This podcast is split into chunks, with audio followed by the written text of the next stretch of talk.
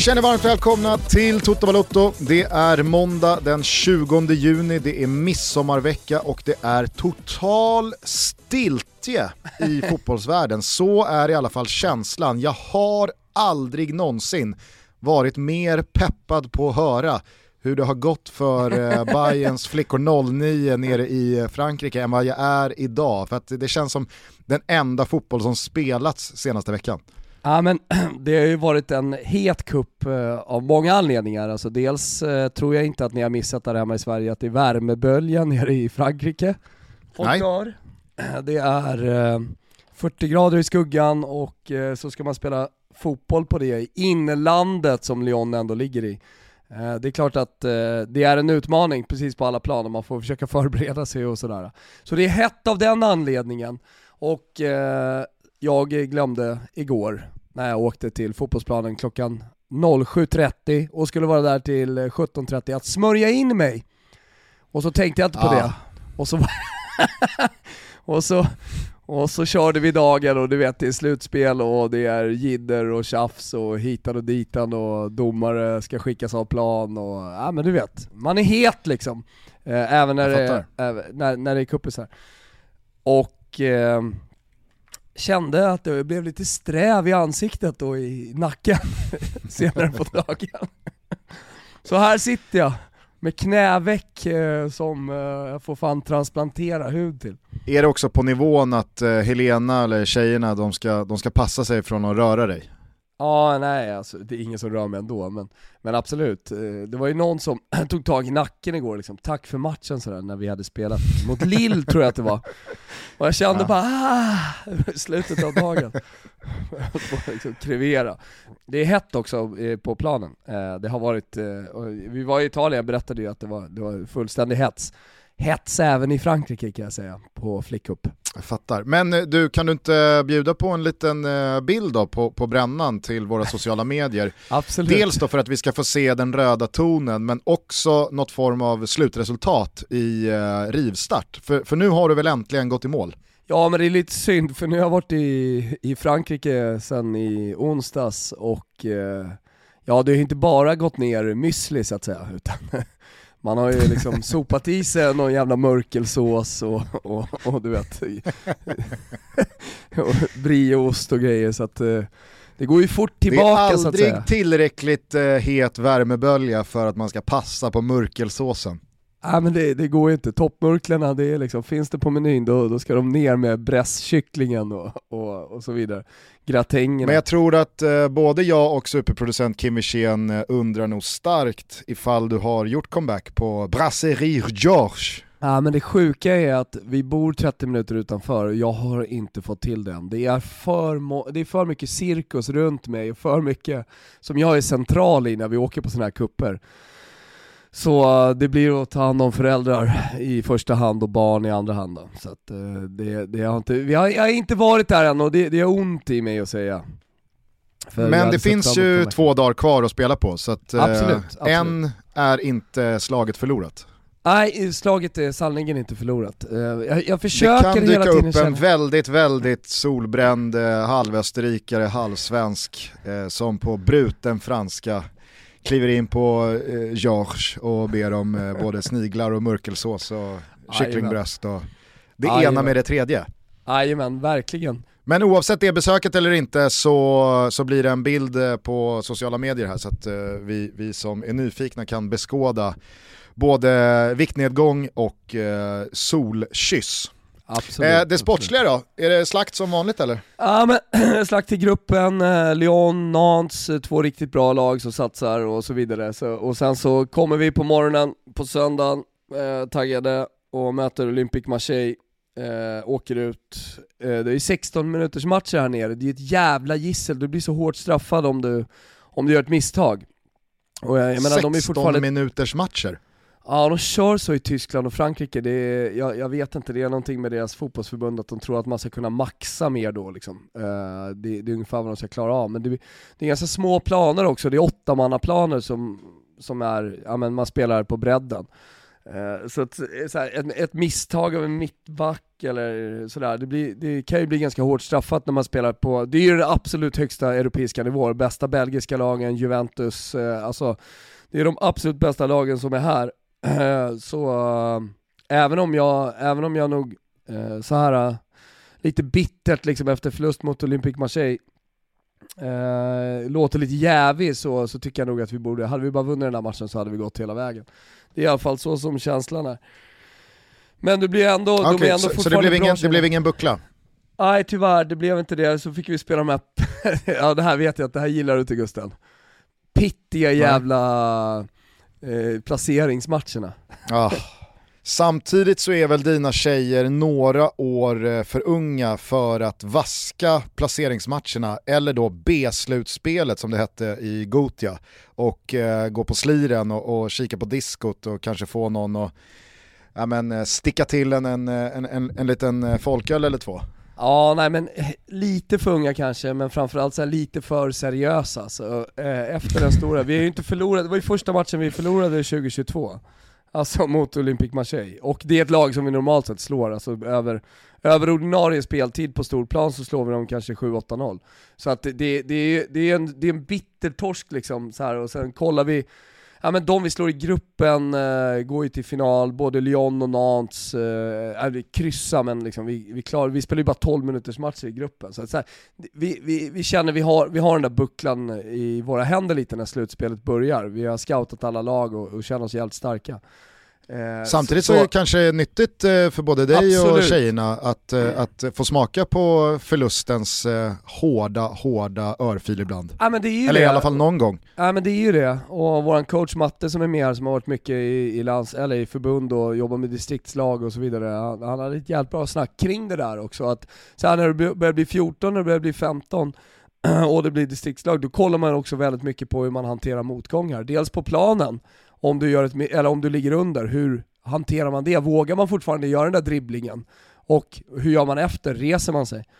Så vi mm. möter ju Lille och saint Etienne och, och eh, det bästa lokala laget härifrån eh, sen och, och, och sopa i mattan med dem liksom. Så att vi, vi avslutar med att vinna de tre sista matcherna sådär. Så vi förlorar ju bara en match här nere.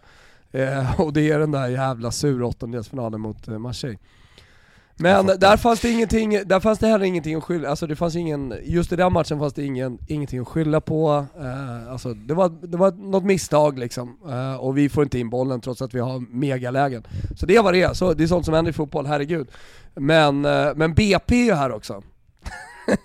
de ja, har ju ja. fått smaka på den franska organisationen och de franska domarna.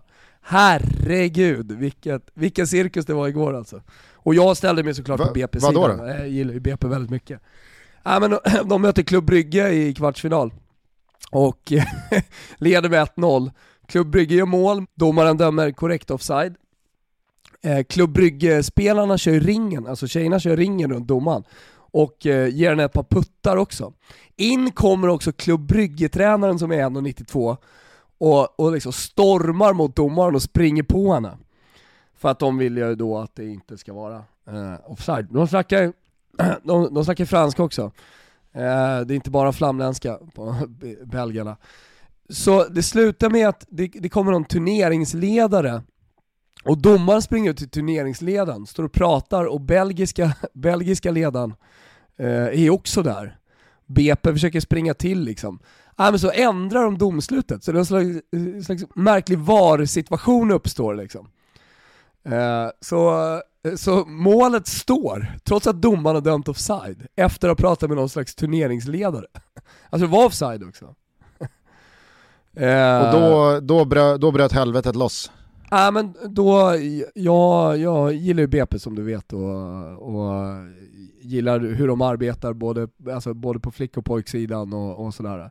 Så att jag tar ju det stora partiet för BP hoppar också in på plan och börjar gorma. Va? Ja, ja, ja. Alltså, Solbränd herregud. och jävlig. Solbränd och jävlig, vet du. Mina, mina, mina nya moskotbriller och vit Stram i nacken. Ja.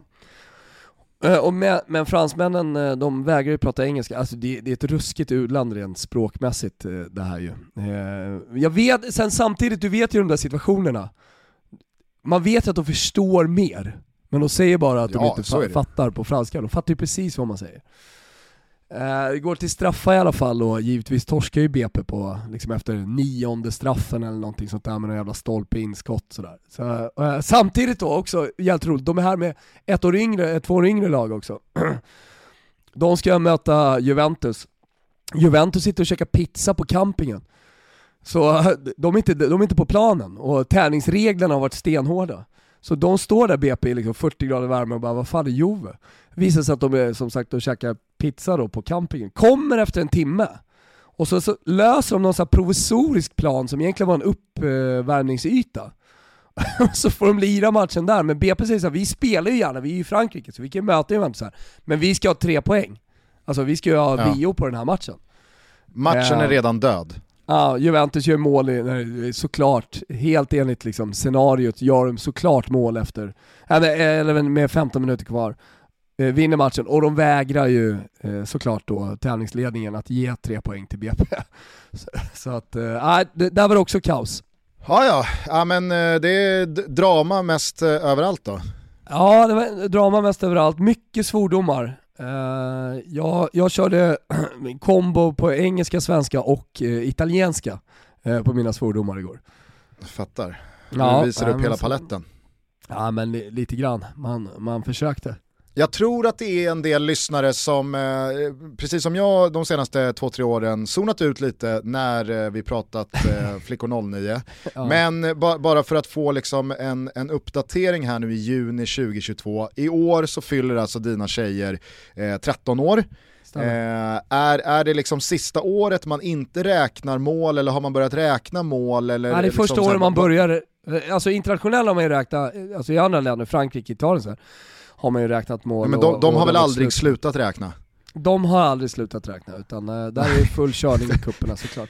Den, den lilla vitala delen av eh, fotbollssporten har andra Ja. länder aldrig eh, exkluderat. Nej, framförallt i kupper liksom. Eh, För jag menar, det är jättenyttigt att åka ner och spela och, och så, så, så här, torska surt, även om man känner att man förtjänar att, vinna. Torska den här matchen och, och resa sig och gå vidare från en sån förlust och lära sig av det. Inte bara sportsligt utan också mentalt. Nej. Det är jätteviktigt och jag känner ju efter att ha varit på många kupper nu utomlands med, med tjejerna att äh, men det, det, det är så nyttigt. Jag är så glad också för att vi har gjort det och gett dem den utbildningen. Äh, att de har lärt sig äh, hur man hanterar slutspelsmatcher och gruppspelsmatcher och så vidare. Och så vidare. Till exempel igår så har vi något kryss äh, i, i gruppspelet liksom, efter 12 minuter, vi får inte in den och sådär. Mot Nans som går till final. Och tjejerna är lite knäckta efter. Det är samma med, med tjejer, det är en gruppspelsmatch. Det är imorgon vi ska vara bra. Det är, det är, Ja. det är slutspelet, det är lugnt. Vi, vi kommer vinna den här gruppen. Så att eh, sådana saker är, nej, men det är, det är otroligt viktigt. Man, man måste i alla fall börja när de är 10 år. Det, det är okej att köra med 7-8-åringar, det behöver man kanske inte liksom ha hetsiga föräldrar och sådär. Eh, Men, men det är återigen, eh, jag sa det till BP igår, hade den italienska kuppen som vi var på spelats i Sverige och sen då eh, uppföljt det någon månad senare här nu med den här franska kuppen, äh, men då, Mm. då, det hade inte spelats fler kupper. Alltså med det, med, med, med de föräldraskarorna. Eh, med det... Då hade Patrik Brännings eh, mailinkorg kokat över. Nej men alltså Bränning hade haft eh, material för eh, ja, med en livstid på, på flaskan. det, det hade han sannerligen haft. Herregud vilken cirkus det är runt matchen alltså. Det är, det är otroligt. Ja, jag fattar. Att, eh, Ja, ja, men eh, som sagt, jag tycker att, eh, jag tycker att eh, du, du låter som att eh, ni, ni ändå har liksom landat i att vi fokuserar på rätt saker Absolut. här, vi lär oss av förlusten och går vidare med livet. Det här var en erfarenhet som ni kommer dra nytta av här eh, framöver. Så att, eh, det, det, Ja. det, är väl, det är väl bara härligt att eh, det inte alltid slutar med 14-0 segrar och eh, lite så här, ja men pinsamma Nej, nej. motstånd. Nej, nej, nej, nej, nej. Däremot så kan man konstatera med både BP's och vår insats att eh, svensk flickfotboll står sig jävligt bra i alla fall. Och så får vi se hur vi tar hand om de här tjejerna när de blir lite äldre också. Eh, men men eh, mot de bästa lagen i Europa så, så mäter vi oss och, och kan, kan vinna de här cuperna. Så det, det, det, det är grymt nu inför eh, dam-EM som eh, stundar i juli också, att veta att det, det, det, det växer fram små campionesse eh, underifrån också. Toto Valuto är sponsrade av Circle K. Jag älskar er. Har jag sagt det någon gång förut? Jag är ungefär 3-4 gånger om dagen på Circle K. Vad gör jag för någonting då? Jo, men jag tar en god korv, jag eh, tankar bilen, eller om jag kör elbil, ja, då laddar jag bilen. Och det är två appar som är otroligt viktiga. Det är Circle K Easy Fuel och Circle K Charge. Vissa känner till Blippa bilen, Circle K Easy Fuel, Circle K Charge kanske mindre. Fler och fler köper elbilar. Och med Circle K Charge så är det väldigt enkelt. Man registrerar ett konto och så kan man på ett oerhört enkelt och smidigt sätt se dels var närmsta laddplats finns, om den är ledig och sen när man är klar har betalningen skett helt digitalt. Äh, men ni hör ju, det är hur smidigt som helst, också med elbil på Circle K. Glöm heller inte bort att om man vill testa elbil så finns det elbilar att hyra hos Circle K. Så kan man liksom känna och klämma lite på livet med en elbil. Ladda ner apparna Circle K Easy Fuel och Circle K Charge för alla med elbil. Och glöm inte bort, ta en korv, ta en liten fika, mys lite hos eh, Circle K och bara känn hur de optimerar och kalibrerar livet för oss bilister. Hörni, vi säger stort tack till er, Circle K alltså, för att ni är med och möjliggör Toto Balotto. Vi är sponsrade av K-Rauta, jajamensan. Hörrni, hur många är det som står där eh, på landstället och eh, snickrar och sågar och har sig och tänker fan, jag skulle behöva det här verktyget. Äh, men då är det läge att gå in på krauta.se eller i ett varuhus för att kunna utföra dina projekt som du behöver göra. Och då behöver man ju såklart de bästa verktygen och som ni vet så älskar vi Ryobi och K-Rauta har ju en massa fint från deras sortiment. Köpte nyligen eh, en kompressor till som jag ska med mig när jag ska ut på sommarkupper så jag kan pumpa mina bollar. Kostade en femhunka ungefär. Bara kliva rätt in på K-Rauta. Jag håller ju på mitt i en renovering och jag kan bara rikta ett stort tack till K-Rauta som har varit med mig från ax till limpa. Glöm heller inte att bli medlem i deras kundklubb för att samla bonuspoäng hörni och ta del av alla deras erbjudanden. Slänger in här en Ryobi trimmer slash skruvdragare kit 18 volt 1399 styck. Har kostat eh, 2399 innan. Så att eh, det finns hur mycket som helst. Det är bara att gå in på ett eh, varuhus eller korauta.se. Vi säger kitos! Ja, för det är ju inte bara det svenska representationslandslaget på damsidan som går starkt då, utan det, det verkar ju vara en jävla återväxt på damsidan. Men som du nämner, så är det ju nu bara drygt två veckor bort eh, innan eh, Sverige premiärar i EM mot eh, Holland. Utöver Holland så finns Schweiz och Portugal i gruppen. Man har här i dagarna kunnat lyssna in sig på guiden inför dam-EM i Totski 5.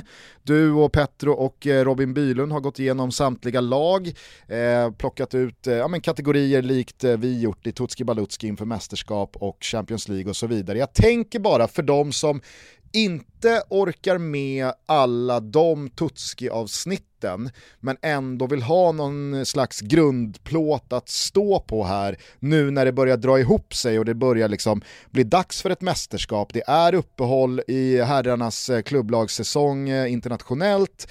Det har varit eh, väldigt dåsiga tider här i juni och man vill ju ha sin mästerskapsfix och jag tycker med tanke på damernas insats både i OS i fjol men också i eh, VM eh, i mästerskapet innan så känns det ju som att det är en jävla framväxande våg av inte bara engagemang utan också ja, men, genuint intresse där man på ett helt annat sätt följer spelarna, följer lagen, sätter sig in i det mediala eftersom bevakningen är mycket, mycket mer påtaglig. Eh, så att eh, till alla de som vill ha liksom ett koncentrat och en kortversion av det ni har eh, gått igenom i eh, Totski 5 här senaste tiden. Eh, vad, va, va kan du säga till dem om vi ska börja liksom i, i eh, den, den, svenska änden? Eh, går vi in som eh, favoriter till bucklan eller hur eh, värderar du Sverige? Eh, nej det gör vi faktiskt inte. Eh, även om vi gick till den där OS-finalen och alltid har varit bra i mästerskap eh, så, så är det ju faktiskt det, det landet som eh, har det bästa klubblaget. I alla fall sett till eh, hur det har sett ut under säsongen oddsmässigt och ehm, också hur de har gått eh, i ligan och de spelare som går där och så hårt de satsar. Men, men det, det är Barcelona och Spanien som faktiskt utan jättestor mästerskapsrutin höll jag på att säga, men det har ju inte varit eh, det bästa damlaget eh, i OS eller i mästerskapen i OS, VM, EM. Eh, men, men eh, de, ser, de ser fantastiskt bra ut eh, och eh, således går de faktiskt in som favoriter och sen så där bakom så kommer ju Frankrike, Tyskland, England som spelar på hemmaplan såklart också eh, och tätt följda av Sverige ska sägas. Och Holland som du nämner som vi möter i finalen är ju regerande mästare också så att det är en tuff match direkt. Men det som, ja precis, ja precis, i premiären. Men det som är så, det som är så jävla spännande, det är att man pratar ju alltid om att mästerskap är ovissa. Eh, men nu har de här klassiska fotbollsländerna på här sidan som alltid varit bra, nu har ju de kommit så starkt och kommer så starkt så de kommande tio åren eh, så, så kommer det hända otroligt mycket och Sverige kommer få kämpa för att hänga med och vara strax under eh, oddsfavoriterna inför mästerskap. Men eh, Italien till exempel, om vi tar ett sånt land, de är heller inte, de är inte oävna och de, de laddar inför det här mästerskapet och kan, kan skrälla också. Sen har du de skandinaviska länderna såklart med Norge, Danmark, Sverige eh, som är otroligt bra. Så att egentligen så, så har du kanske en åtta länder som är svåra att skilja på sådär, utan du kan hitta olika typer av spets. Ada Hegerberg som har gjort comeback i Norge, Poteas, världens bästa fotbollsspelare som vann eh, Ballon d'Or eh, senast för, på, på damsidan eh, och så vidare och så vidare. Så att det, det, det, det finns Får jag fråga en fråga bara? många bra spelare. Ja, ah, Midema och så vidare. Många stjärnor liksom, och du, jag ska bara säga det, du, du, du nämnde det, så här, ja men nu börjar man följa spelare och sånt där. Midema, eh, Poteas, alltså all, alla de här storstjärnorna, Ada Hegerberg och så vidare. De är ju de, de, de, är, de är ju på väg att bli megastjärnor. Och det här mästerskapet kommer ju såklart då bli det mest följda, både på plats med slutsålda arenor, så en jävla stämning med de här stora strömningarna till arenan med folk som ja, men dricker bärs och sjunger och hejar och sådär. Men även tv-mässigt. Eh, så det passar ju väldigt bra att just det här mästerskapet spelas i England och de har ett väldigt bra landslag också. Ska vi, inte bara, ska vi inte bara komma överens om att alla mästerskap ska spelas i antingen England eller Tyskland? Det, är liksom, det behövs inget annat. Nej, jag tyckte dock att Frankrike gjorde det jävligt bra när du och jag var nere 2016. Det var, det var ett härligt mästerskap. Jo, fast håll med om att det i Frankrike är lite för långt mellan liksom högsta nivån och lägsta nivån. Ja men det, det, kan jag hålla med om. Det kan jag hålla med om och sen samtidigt Det känns som att i England och Tyskland så finns det, liksom, det finns tio arenor, det finns tio städer. Allt ja. är bara liksom så här, spelar ingen roll vart man är, det är exakt lika bra. Jag tror att jag sa igår att eh, Eh, Frankrike var ett fattigt jävla skitland som inte ens kunde leverera ordentliga bollar. Så just nu så känner jag ju lite så. ja, jag fattar. Eh, nej men, eh, jag, jag, har, jag har bara en fråga eh, angående Ada Hedeberg. Alltså, det är säkert många som eh, känner igen det namnet, som sitter där och tänker vad fan, alltså, som kanske inte följer liksom damfotboll eh, speciellt ingående, men som ändå tycker att vad fan, det där namnet känner man igen. Alltså det var ju eh, den norska damspelaren som i samband med att hon vann Ballon d'Or fick frågan av konferencieren på eh, galan ifall hon kunde twerka. Och så blev det ju ett jävla rabalder med all rätt kring det, men som du är inne på här när du nämner att hon har gjort comeback här i norska landslaget, så hade ju hon en bojkott gentemot det norska landslaget i flera år. Jag kommer inte ihåg vad den bojkotten handlade om och varför hon nu är tillbaka. Och min följdfråga på det är, hur stor skillnad gör hon? Är det liksom, är det, är det Zlatan eh, med eller utan honom i Sverige? Eller är det liksom eh, Bailey Wales eller Lewandowski i, i, i Polen? Eller? Äh, men, äh, men, eh, ta det från början där då. Hon är född 95, så jag menar, hon har ju fortfarande många år kvar, åkte på en svår knäskada och kom tillbaka i januari, februari där någonstans, eh, kanske fan till, till och med lite innan. Men eh, eh alltså tillbaka till klubblaget. Eh, och, och sen har hon gått jättebra och skjutit, varit med och skjutit Lyon till både ligaseger och eh, eh, Champions League-seger över Barcelona i finalen. Men eh, nej, hon, hon, är, hon är bäst i världens bästa klubblag. Eh, som vi ändå får säga att Lyon är nu eftersom de vann Champions League. Så hon är eh, fortfarande och, på Ballon d'Or nivå post ah, ja. knäskadan liksom? Ja, ja, absolut, absolut. Och det är mycket möjligt att hon är med och konkurrerar med, med Poteas till nästa år om att vinna Ballon d'Or igen. Hon har ju så många damspelare eh, jobbat för jämställdhet och att det ska vara schysstare villkor och framförallt jämnare villkor och det har varit anledningen till eh, bojkotten i landslaget också. Att eh, hon, har, hon har varit i konflikt egentligen med hela det norska fotbollsförbundet eh, om, om de här frågorna. Sen så... Alltså det har, varit, det har varit en protest gentemot förbundet. Exakt, exakt. Och sen eh, så eh, kom det en ny ordförande, det har du säkert inte missat, en ung eh, kvinna, Lise Klavenäs, eh, som blev ny ordförande i det norska fotbollsförbundet. Eh, och, ja, det var hon, hon, som höll ett jävligt starkt anförande ja. i Qatar i, i vintras va? Ja men det stämmer, hon är fan två år yngre än mig, hon är bara 41 år uh, och är en jävla powerkvinna. Ja, jag, det, det är, jag vet inte varför jag skrattar men på något sätt är det kul att du liksom by the minute inser att du börjar bli gammal. ja jag vet. Ja det är hopplöst alltså. Patetiskt är det också. Men eh, Lisa Klaveness i alla fall, hon har, hon har varit den stora anledningen till att eh, eh, Ada Hegerberg också har kommit tillbaka. Alltså det var lite av en sån här förutsättning och eh, eh de två tillsammans eh, leder väl norsk fotboll eh, framåt här nu och framförallt i de här frågorna. Så, så, ja men Hegerberg tillbaka i Norge gör vilken liksom skillnad då relativt gentemot resten av truppen? Är det som eh, Håland på, på herrsidan? Ja absolut, absolut. Håland herrsidan, bra jämförelse för övrigt också, får en väldigt kraftfull lång, stor, uh, men uh, ja, helt, Det känns som att uh, Erling Haaland inte gör lika mycket för jämlikhet i Nej. Norge som Det är en tisha som åker på lite här och där, max. så, ja. så, det är andra som har, har gjort mer. Nej men så, så du har ju vad jag säger, de skandinaviska lagen med, med Sverige, Norge, Danmark, och sen eh, de centrala europeiska lagen eh, och, och, och, England, så att det blir ju rafflande såklart. Eh, och du, du, nämnde Schweiz i gruppen, de är också bra. Jag gick in och kikade på Betsson här vad gäller eh, vinnarodds och det är ju alltså sex länder, Spanien, England, Holland, Frankrike, Tyskland, Sverige alla under 10 gånger pengarna att lyfta bucklan. Spanien favoriter på 5 gånger pengarna, Sverige 9 gånger pengarna. Så det är ju det är sex lag inom 400 punkter. Sen är det väl ett litet dropp till nästa gäng då i form av Norge, Danmark, Italien innan eh, de, de riktiga högoddsarna börjar, börjar landa där. Ser också att Finland är med där till 250 gånger pengarna. Det gläder ja, mig. Ja, det gläder mig också såklart. Känns som ett uselt spel. Ja, det, det är ett uselt spel. Det ska man nog vara försiktig med. Vet du vad man ska göra istället vad det gäller, vad det gäller spelen? Nej. Jo, eh, vi har ju såklart också en kategori som vi har tagit från Tutski Balutski eh, som heter Ruben. Och eh, det är ju som alla känner till säkert som lyssnar på det här, ett spel per land. Och de finns på Betsson.com under godbitar boostade odds för alla som är 18 år.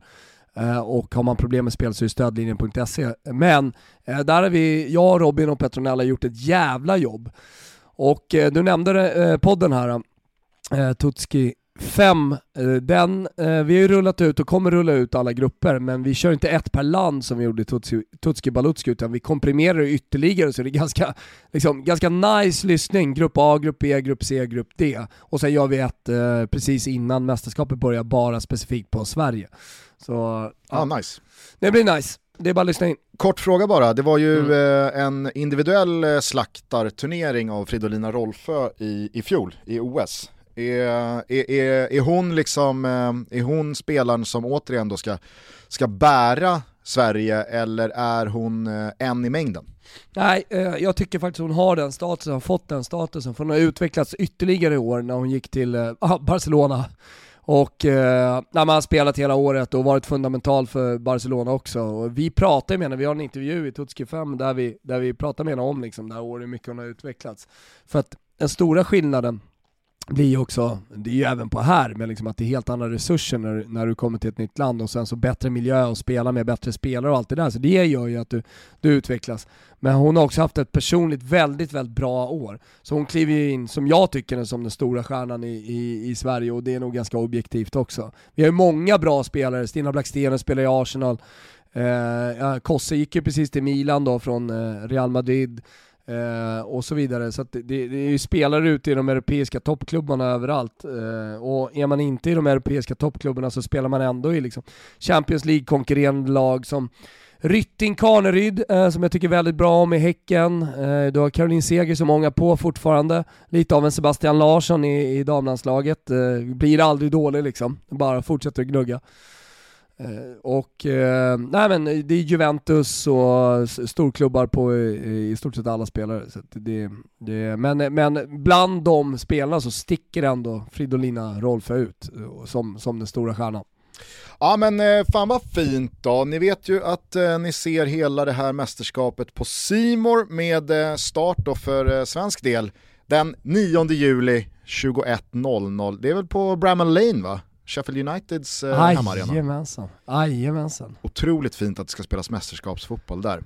Det är Frida Nordstrand som eh, leder sändningarna i studion så kommer Vicky Blomé finnas, Lotta Schelin, Papi Chulo Marcello, Olof Lund yes. misstänker jag är på plats eh, 24-7.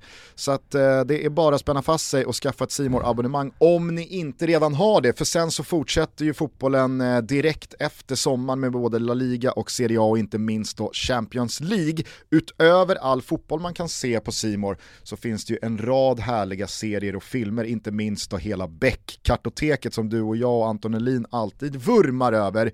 Men eh, en hel del eh, fina fräscha nya serier och filmer också.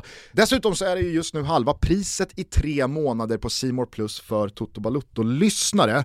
Man går in på simor.se kampanj Toto Balutto och så klickar man i koden då VIPSOMMAR22TOTO VIP-sommar 22 Tutto. Och den här gäller till sista juli. Då får man alltså tre månader Simor plus till halva priset och utöver då alltså fotbolls-EM och VM i höst utan reklamavbrott så är det alltså alla filmer, serier, barninnehåll, Champions League, Serie A och La Liga. Man kan se Simor i hela EU så att du till exempel kan ju klicka igång vilken bäck du vill ikväll i Frankrike. Ja, ikväll blir det ju det. Du kan ta med dig din laptop till Brasserie George, rulla igång monstret och säga här, det blir monstret ikväll. Jag ser mig själv framför mig här, eh, lite som George när han ska maximera eh, liksom upplevelsen av mat och sex och så vidare. När han liksom Summer tar med sig... George. Exakt. Han, han tar med sig krubbet in och samtidigt har också sportradion på. Uh, ja, så jag, jag, jag, kan ju se mig själv då ikväll sitta med laptopen, Brasserie George, escargot och entrecote, bleu och så vidare som bara ramlar in och gott vin. Och så så kollar man monstret, det är ju fint. Verkligen. Eh, ville du säga någonting mer där om, eh, om eh, mästerskapet? Jag vill påminna om, vi har haft en, en eh, tävling eh, pågående med Heineken Alkoholfri, där man kan vinna då en VIP-resa ner. Robin och Petronella ska ju åka med också, till premiären mot Holland, men vi har även då en tävling som vi rullar ut med eh, finalbiljetter när man sitter i Heineken Alkoholfri VIP-loge, alltså på finalen av VM i slutet av juli. Den här tävlingen pågår nu på Heineken alkoholfrikampanj.se. Eh, så det är bara att kika in där och vara med. Fint med lite uppsnack eh, och eh, framåtblick mot damernas EM här nu som drar igång i början på juli. Imorgon så kommer Alexander Axén till studion, den upphåsade, hyllade, älskade Alexander Axén, han kommer till Kungstensgatan 26 för att joina mig, vi kommer ringa upp dig och så, så ska vi blicka framåt då mot återstarten av allsvenskan på söndag. Det ska bli otroligt fint ju. Ja, alltså dels blir det ju väldigt fint med Axel, men också att eh, det drar igång igen och att Allsvenskan spelar under sommarmånaderna parallellt med eh, mästerskapet i, i, England. Så att det, det, det, blir en ganska mysig juli måste man ändå säga med härliga bortaföljen. Och man kommer ihåg själv när man åkte ner och hade Halmstad borta och hängde på Tylösand och, och ja, festade loss och hade roligt sådär. Det, det, det kommer bli en fin juli för alla, alla fotbollssupportrar.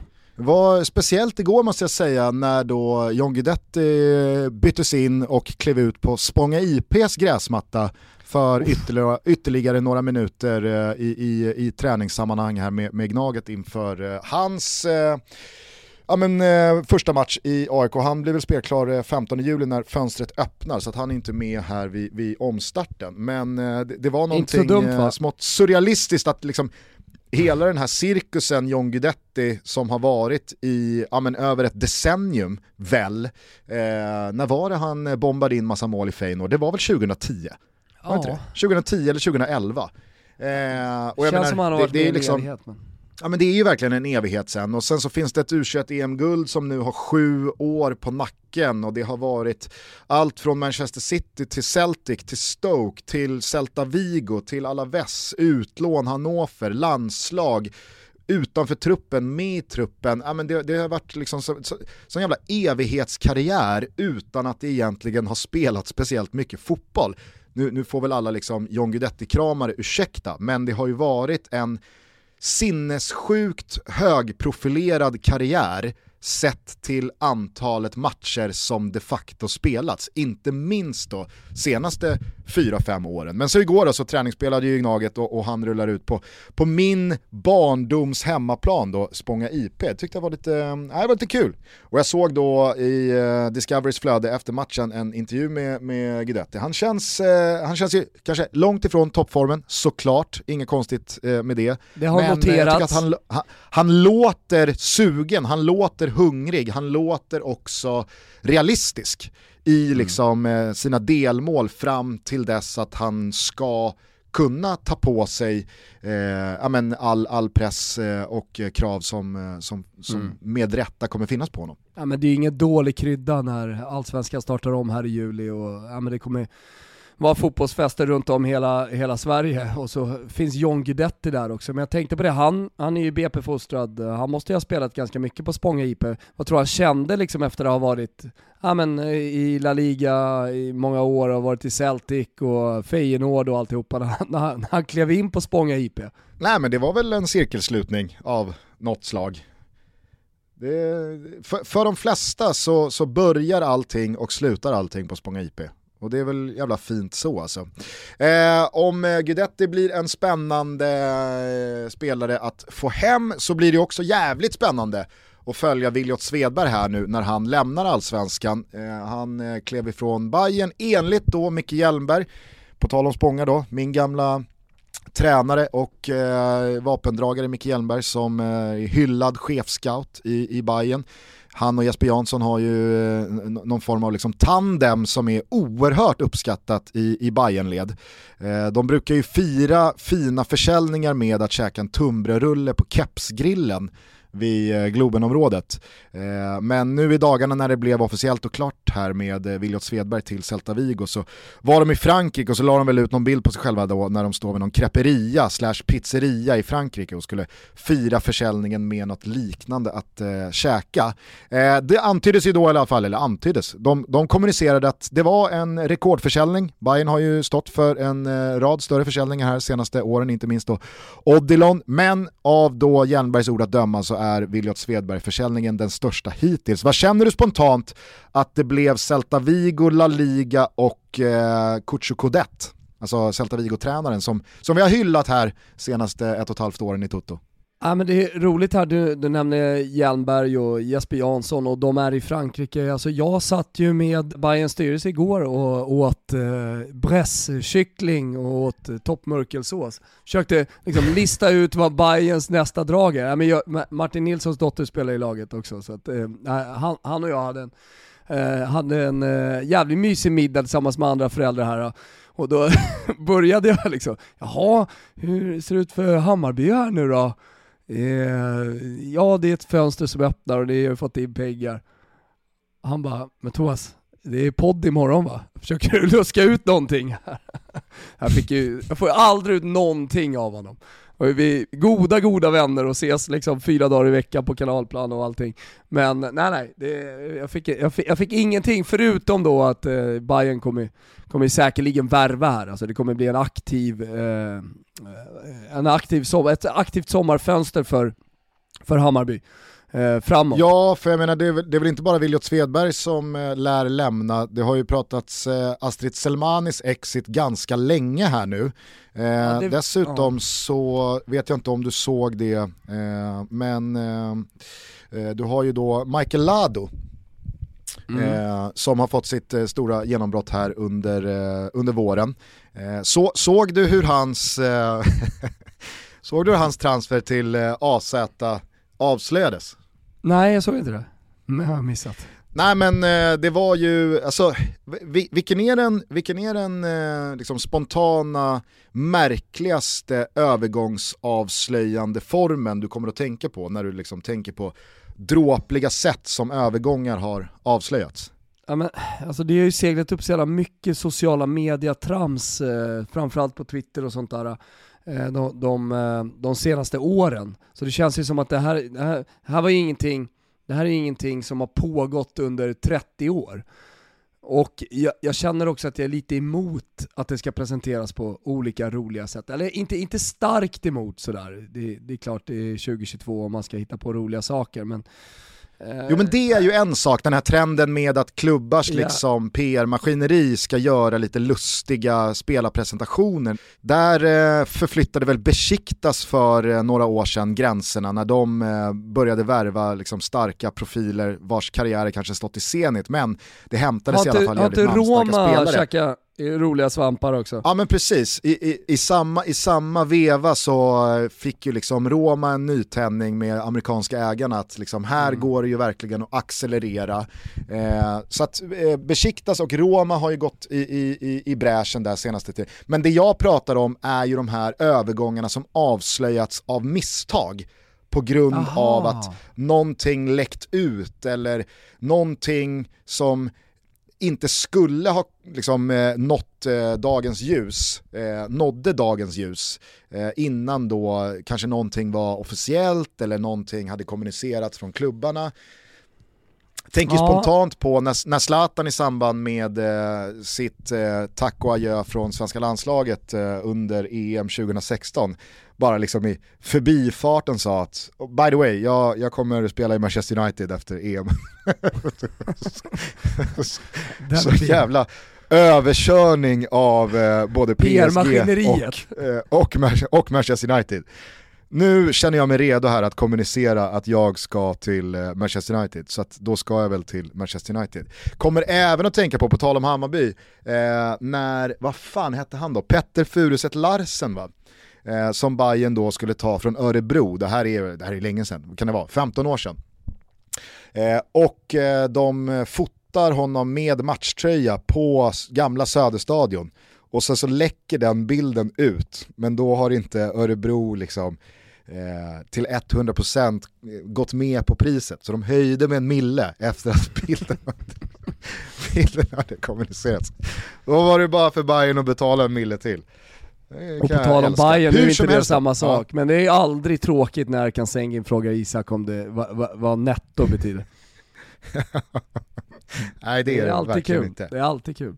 Men eh, hur som helst då, Michael Lados övergång till AZ avslöjades i alla fall eh, med att eh, hans eh, familj med väl eh, syrianer i, i, i, grunden och det säger jag med den största eh, värme och kärleken för att man, man älskar ju syrianers sätt att liksom blåsa på stort när det finns Exakt. något att fira.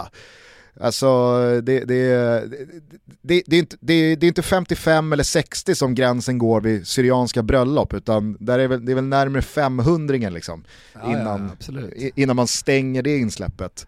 Ja fan de eh, höll, höll väl liksom coronavåg, eh, ja men dels ettan men tvåan, trean, fyran igång i, i Södertälje.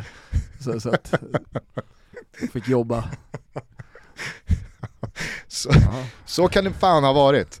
Eh, anywho då, eh, när då Michael Lado har skrivit på för AZ, ja, men då ska det ju såklart då anordnas ett eh, party på hemmaplan.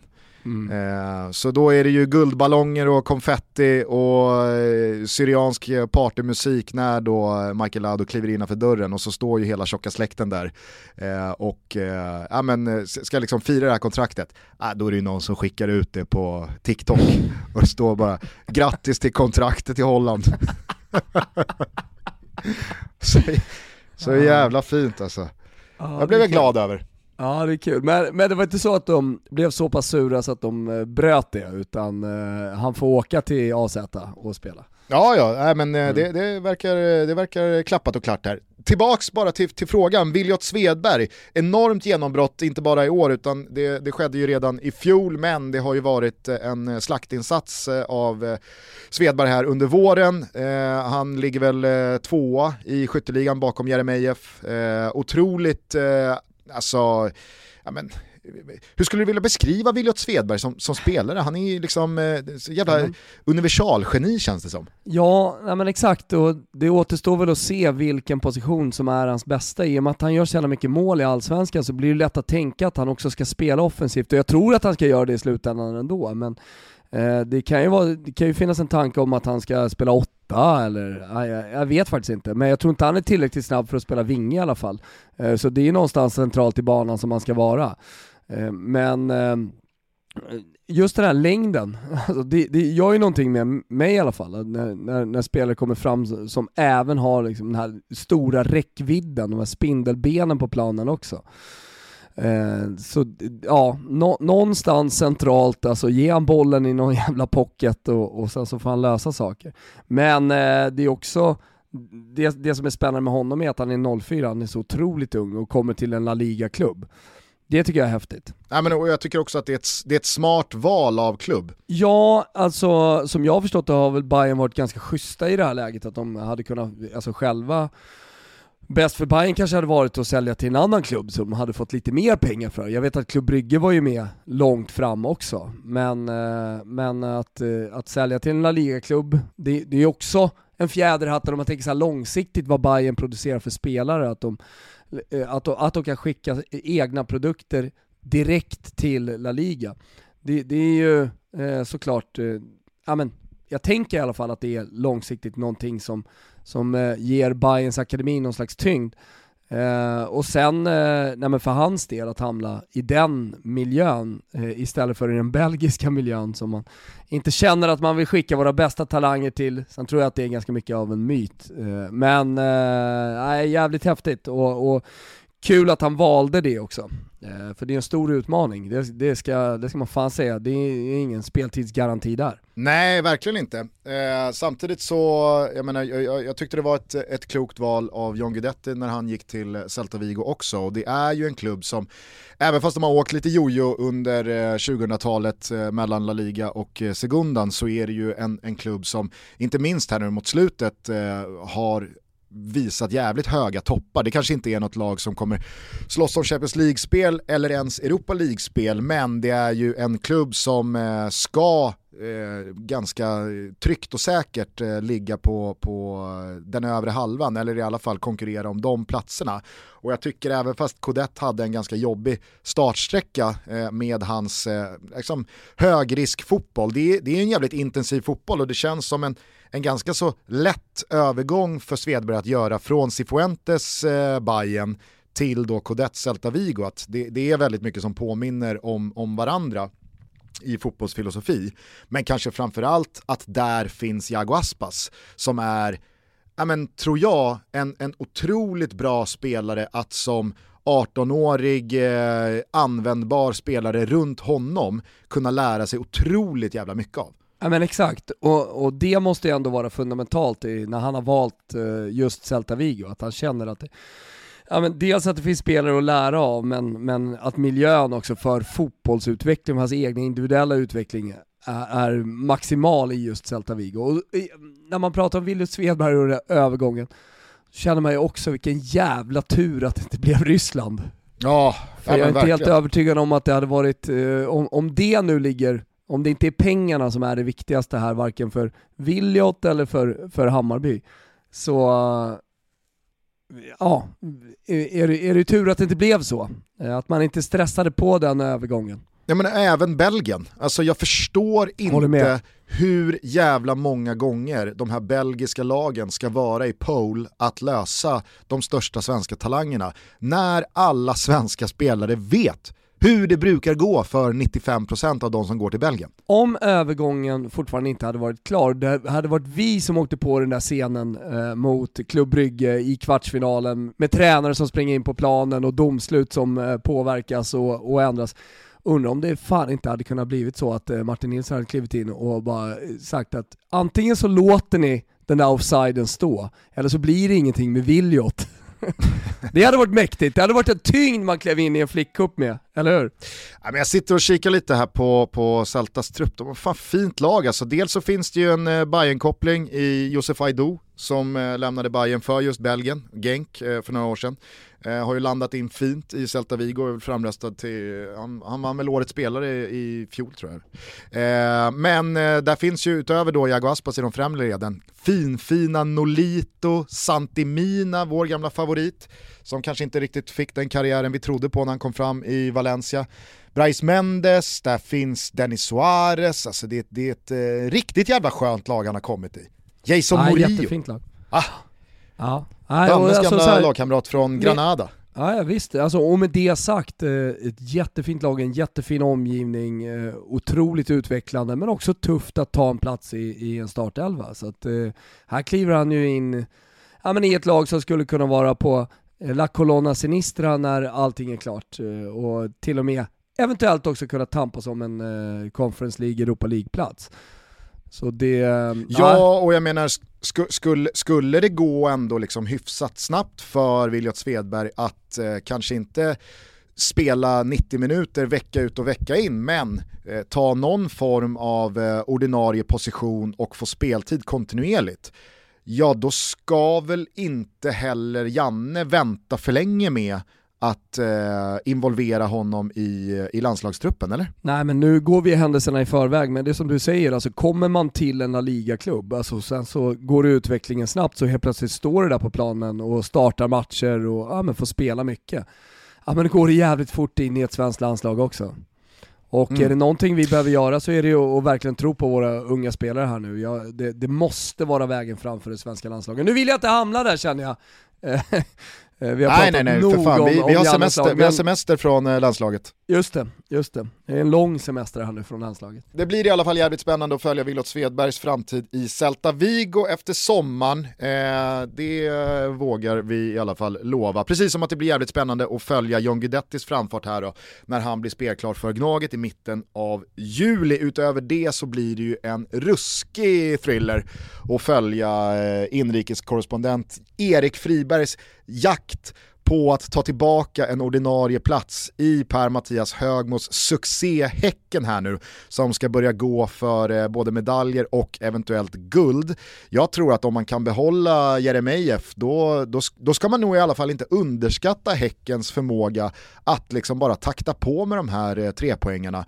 Eh, det, det, ska kvalas till Europa för både AIK och Djurgården och Malmö inte minst.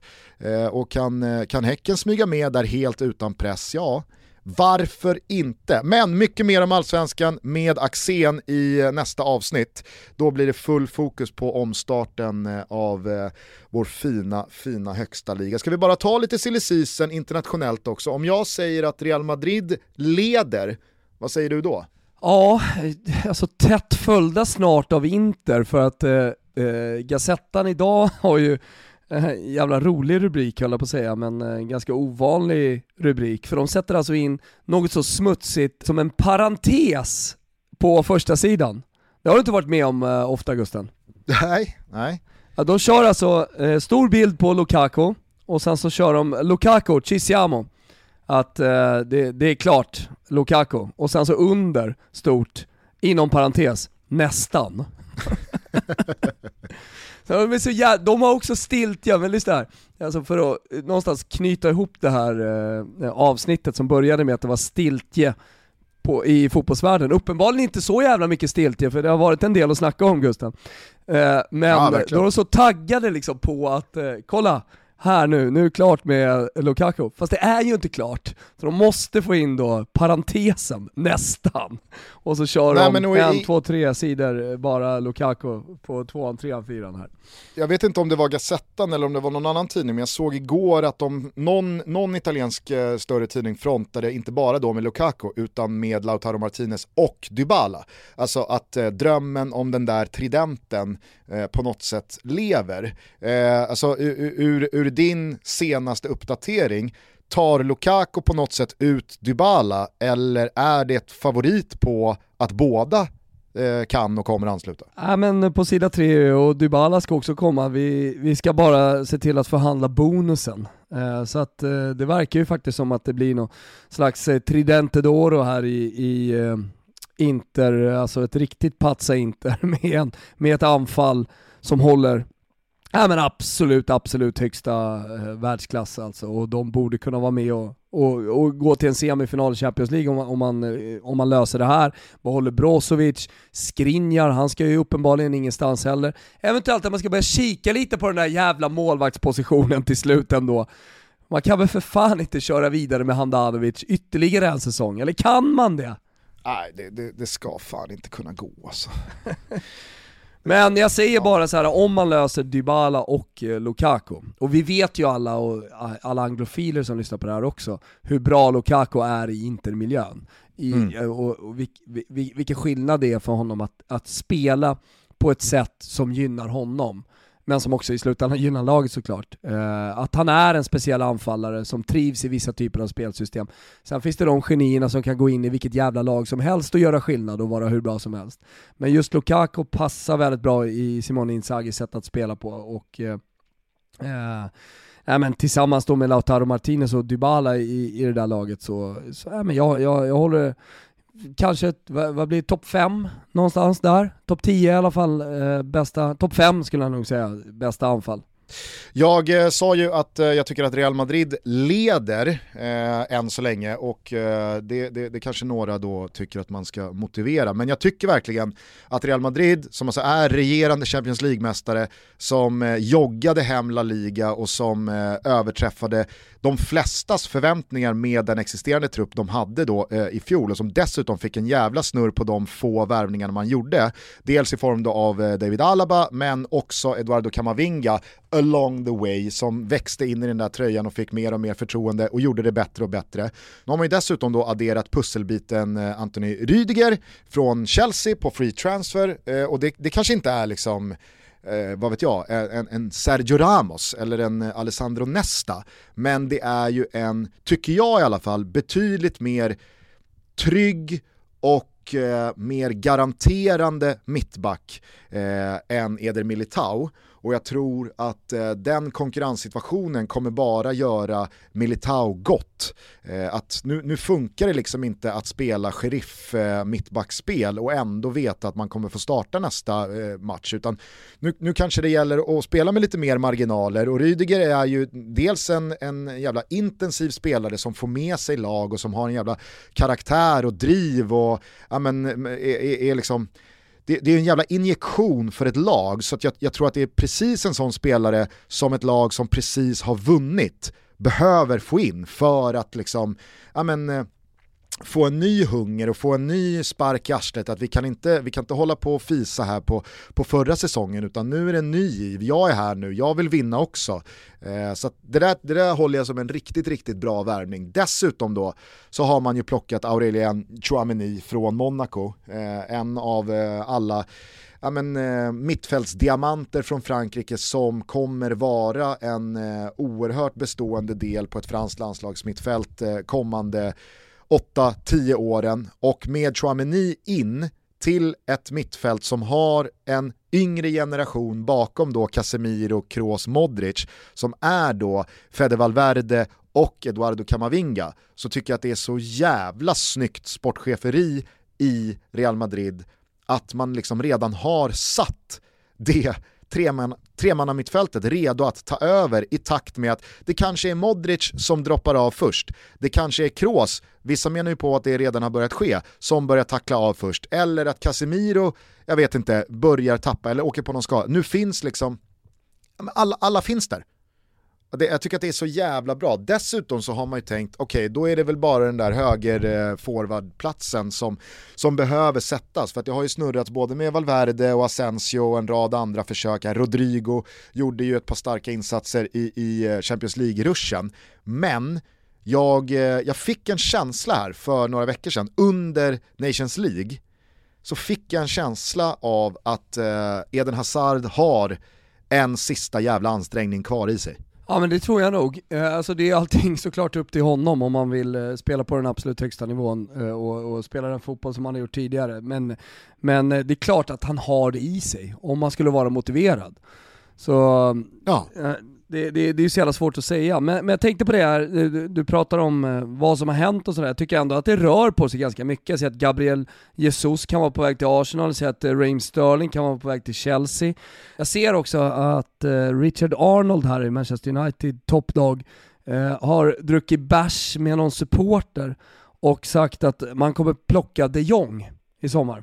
Ah, okay. det här har blivit stor nyhet i England. Uh, så över en ja, bärs han tog på... över efter, uh, exakt, han tog över efter Ed Woodward här när han lämnade. Exakt, exakt. Uh, och var väl ganska så öppet kritisk, dels mot hur liksom, ja, men klubben har skötts senaste tiden.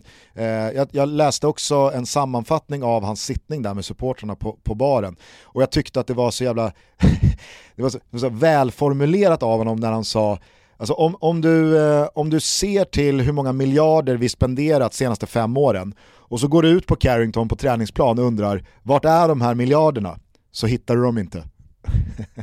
Han verkar ha bjudit en massa supportrar till någon pub och liksom pratat om allting kring klubben, att man behöver liksom, eh, ja, men få in lite färska pengar för att eh, eh restaurera eh, Old Trafford och lite sådana grejer. Men då, då ska han även då ha lättat lite på, på hjärtat kring de Jong. Så att, um, mm. Men jag menar med de spelarna och med, jag menar skulle Sterling gå till Chelsea och Gabriel Jesus gå till, till Arsenal och sådär, så då, då rör det ju på sig rejält. Annars är det ju de här klassiska, jag sa ju det, liksom knyta ihop det här avsnittet med att det är stiltje.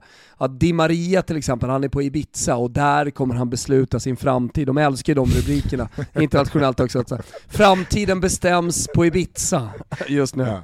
Han åker han till, han åker till Ibiza för att ta ett beslut. Ja, nej, men precis. Och så är det så bilder i tidningarna, både i Kipp och, och Gazettan, eh, bilder då på eh, spelare som är på väg till en annan klubb, eh, men som sitter på någon, någon slags lyxresort i Medelhavet. En det är liksom fotbollsspelarnas, det är fotbollsspelarnas motsvarighet till eh, Joshua Tree, öken, ja, eh, ökenområdet utanför Los Angeles. som man fick lära sig i entourage att liksom folk i eh, film och nöjesindustrin i, i Hollywood åker till och så tar man lite svamp eller LSD eller röker gräs och, och i Joshua Tree, i liksom tystnad, där tar man sina framtidsbeslut här, vilken film man ska göra eller vad det nu kan vara. Där är liksom fotbollsmotsvarigheten, det är att åka och festa på Ibiza. Där ja, tar jag beslutet.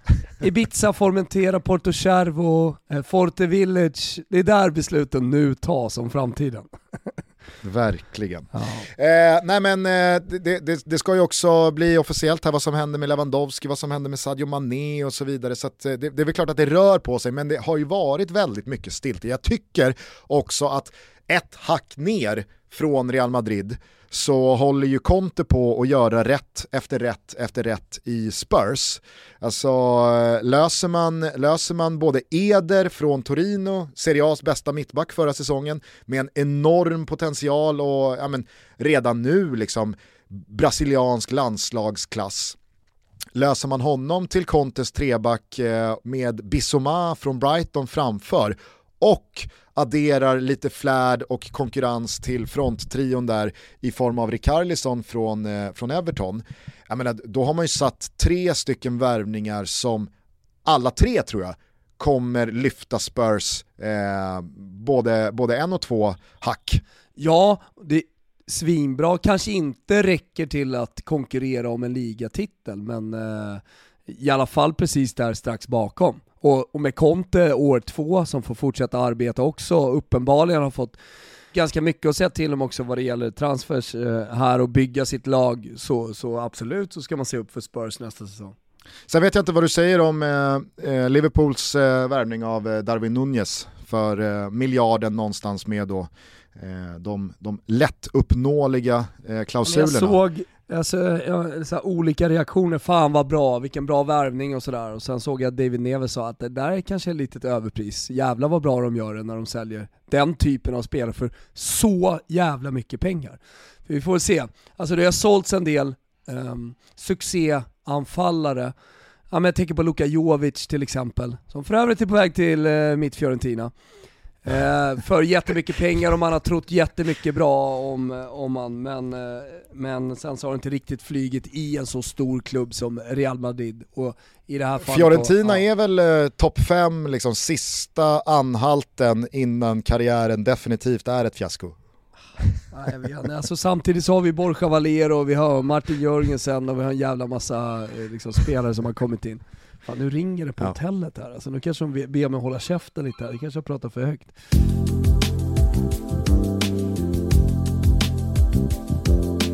Ja, de ringde från receptionen och sa nu är det dags för utcheckning här för farsan, han har, han har gäspat fritid lite för länge. Ja, nu får ja. Johnny gå ner och lösa det där. Ja, så är det. Så är det. Eh, Topp femma, sista anhalt, eh, det, det, skulle jag definitivt inte säga. Däremot en trampolin på väg ut mot eh, stora destinationer, det är väl snarare det Fiorentina har varit. Ja, nej men det lät i alla fall som att du ändå kikade på taken att Darwin Nunez till Liverpool för en miljard inte nödvändigtvis behöver vara en slaktsuccé från alltså, match 1. Ja, men, jag, jag, jag, jag sa bara att jag läste vad David Neves sa, men alltså, kommer man till Klopp, har Klopp varit med och valt en spelare, då blir det väl bara succé. Sen om det är från match 1 eller match 10, det, det, det, vet jag inte. Men det, det, går, det går inte att säga emot eh, Liverpool i det här läget så, som de har lyckats med de spelarna som har kommit in.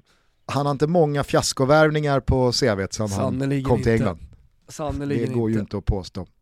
Ja, hörni, vi fortsätter att följa den internationella silly season här eh, framöver, givetvis inför öppnandet av fönstret om tio dagar.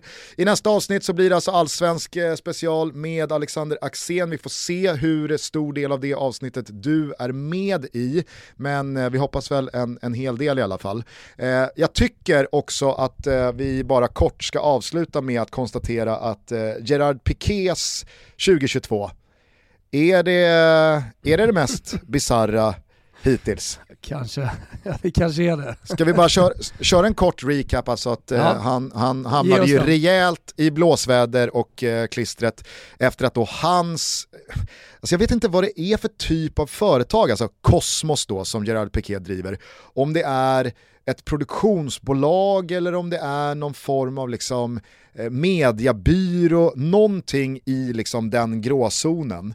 Eh, som då liksom eh, under radarn eh, och eh, liksom absolut inte eh, by the book Eh, var med och eh, pushade eh, den spanska superkuppen då till Saudiarabien i vintras. Och han satt i maskopi då med det, det, det spanska eh, förbundets ordförande. Eh, och eh, det här blev ju ett jävla ramaskri då under våren när det här läckte ut inspelningar där Piqué är väldigt, väldigt medveten om eh, hans eh, klavertramp här. Men så länge det, det inte liksom uppdagas så är det lugnt och det här får vi hålla käften om. Och han försökte väl få Messi då att hjälpa till i då lobbyverksamheten för att det här skulle gå igenom och i runda slängar så handlade det väl om typ så 40 millar eller någonting som Piqué tog emot för att eh, få eh, då Eh, den spanska superkuppen till Saudiarabien. Sen så har ju liksom på planen eh, det, det sportsliga, kanske inte förfallet, men i alla fall dalandet av Piqué-stjärnan eh, fortgått i takt då med att Xavi, hans gamla bundsförvant från eh, hejdaysen med Pep Guardiola, eh, kom tillbaka och, och liksom börjat, börjat bygga för framtiden. Eh, så har ju liksom givetvis framtiden för Gerard Piqué inte känns självklar i det där mittlåset. Eh, jag, jag, såg att eh, han, eh, han då utmanade den sportsliga ledningen då med, med Xavi och inte minst då eh, president Laporta eh, efter att Xavi hade menat på att äh, men, eh, Piqué kommer inte vara en ordinarie mittback nästa säsong. Så hade han då själv sagt att ta hit världens bästa mittback och jag sätter honom på bänken. Det är, liksom, det är den nivån han fortfarande, och det, det, det gillar man ju, att han liksom ja. spänner bågen fortfarande, eh, gamla fina Piqué, eh, rent fotbollsmässigt. Men parallellt med det här så har det ju varit stormigt och körigt på den, den eh, privata sidan när då skilsmässan från Shakira eh, blev offentlig. Detta efter att Piqué då ska ha varit otrogen med en annan eh, kvinna. Först så fick man höra att Nej, men vi har haft ett öppet förhållande i ett par tre år så det är inga konstigheter. Sen började det bli jobbigt när då snacket började gå om att kvinnan han eh, hade då ertappats med eh, skulle vara då Gavis morsa.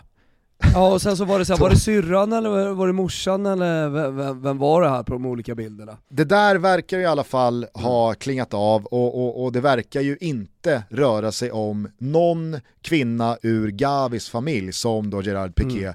ska ha haft en affär med. Men skilsmässan från Shakira är eh, odiskutabel och i det här då, vad händer? Vad toppar han av detta oerhört röriga halvår med? Jo, att få ett eh, nytt rövhål av Katrin Zytomierska. Otroligt. Du har hängt med här? Vissa. Nej, nej. ja, ja, alltså, eh, jag, jag tror eh, att det här ska ha skett i Stockholm, att Piqué är i stan. Eh, oklart varför. Eh, men eh, om vi nu utgår från att det här ska ha skett i Stockholm eller om det är Katrin Zytomierska som är någon annanstans eh, och festar så har då dessa två hamnat på samma nattklubb och Katrin Zytomierska har då under the influence approachat då Gerard Piqué och velat ha en videohälsning till sin son. och då har ju Piqué nekat att nej, eh, nej. Här blir det inget. Alltså, inte nu jag, jag, jag har semester och jag är med, med goda vänner här. Så att, eh, det är inte riktigt läge. Nej. Det känns väl också som att han kan ha varit eh, lite blarig. Eh, ja, ja, och, och, då är det väl klart att eh, man, man kanske inte vill liksom, få någon eh, stor influencers mobilkamera upptryckt i ansiktet. Nej, eh, nej, och, det. Och, så, och så hamnar den videon någonstans där den inte ska vara. Så att han nej. säger bara nej. Det blir ingen videohälsning till grabben va? Då tappar ju Katrin Zytomierska det. Eh, det här går ju att läsa om eh, och hennes Instagram-inlägg har då eh, spritts ganska rejält här senaste dygnet för att hon fotar då Piqué från avstånd, taggar in honom i sin Insta-caption och skriver ju då på engelska till Piqué eh, vad hon tycker om honom ah, och okay. hans jävla förehavanden. alltså det är så... ah, vad sjukt. Alla dessa liksom så surrealistiska twists and turns i Pikés ja. 2022, att de toppas av med att han åker på en sån jävla avhyvling av Katrin Zytomierska. Det är liksom... Ja, det är bisarrt. Det, det, det, jag vet inte hur jag ska gå vidare bizarrt. med den här uh, informationen här nere. Men uh, klart är att nu blir vi sparkade från rummet Gusten. Jag uh, ja. vet en sak, det är att jag ska fästa loss på en Celsius tropical vibe som är perfekt nu när sommaren kommer. Det är också sommartipset när ni, när ni behöver lite energi. Kanske på morgonen, jag brukar ju börja dagen med en Celsius. Testa Tropical Vibe, eller varför inte Tropical Twist eller Peach Vibe. De är goda allihopa och de gör så att man, eh, ja, man tar sig an dagen på ett bra sätt. Ja men gör så, vi eh, hörs imorgon igen redan eh, när vi spelar in tillsammans med Axén, ett avsnitt ni alltså får lyssna till på torsdag. Eh, ha det så jävla bra till dess, ta hand om varandra, njut av värmen och eh, fan, krama någon ni tycker om. Ja, eh, ja det tycker jag ciao, verkligen. Ciao, ciao tutti, hälsa, hälsa tjejerna Thomas. Nej jag ska göra det, vi hörs snart, ciao tutti.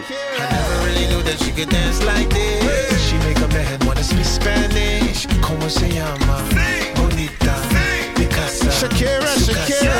Oh, baby, when you talk like that, you make a woman go mad. So be wise and keep on reading the signs of my body.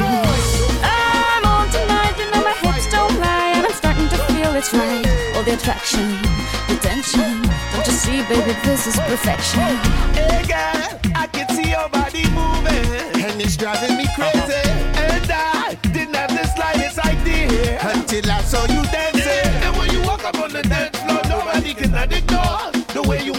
Body, girl. And everything's so unexpected, the way you right and left it. So you could keep on shaking it. Never really knew that she could dance like this. She make a man wanna speak Spanish. Como se llama? Bonita. Shakira, Shakira. Oh, baby, when you talk like that, oh. you make a woman go mad. So be wise and keep on reading the signs of my body. You, boy. Come on, let's go.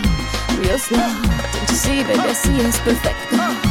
Babe, I know I'm on tonight. My hips don't lie, and I'm starting to feel it's right. All the attraction, the tension. Don't you see, baby, Shakira, this is perfection. Shakira. Oh boy, I can see your body moving, half animal, half man. I don't, don't really know what I'm doing, but just seem to have a plan. My will, self-restraint, have come to fail now, fail now. See, I'm doing what I can, but I can't, so you know that's a bit too hard to explain. Baila en la calle, de noche baila en la calle. There's Never really knew that she could dance like this. She make a man wanna speak Spanish. Como se llama?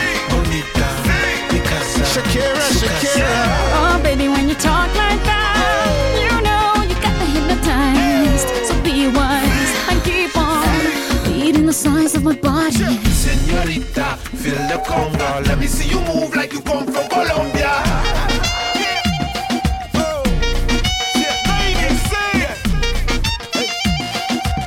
Mira, en Barranquilla se baila así. ¡Sí!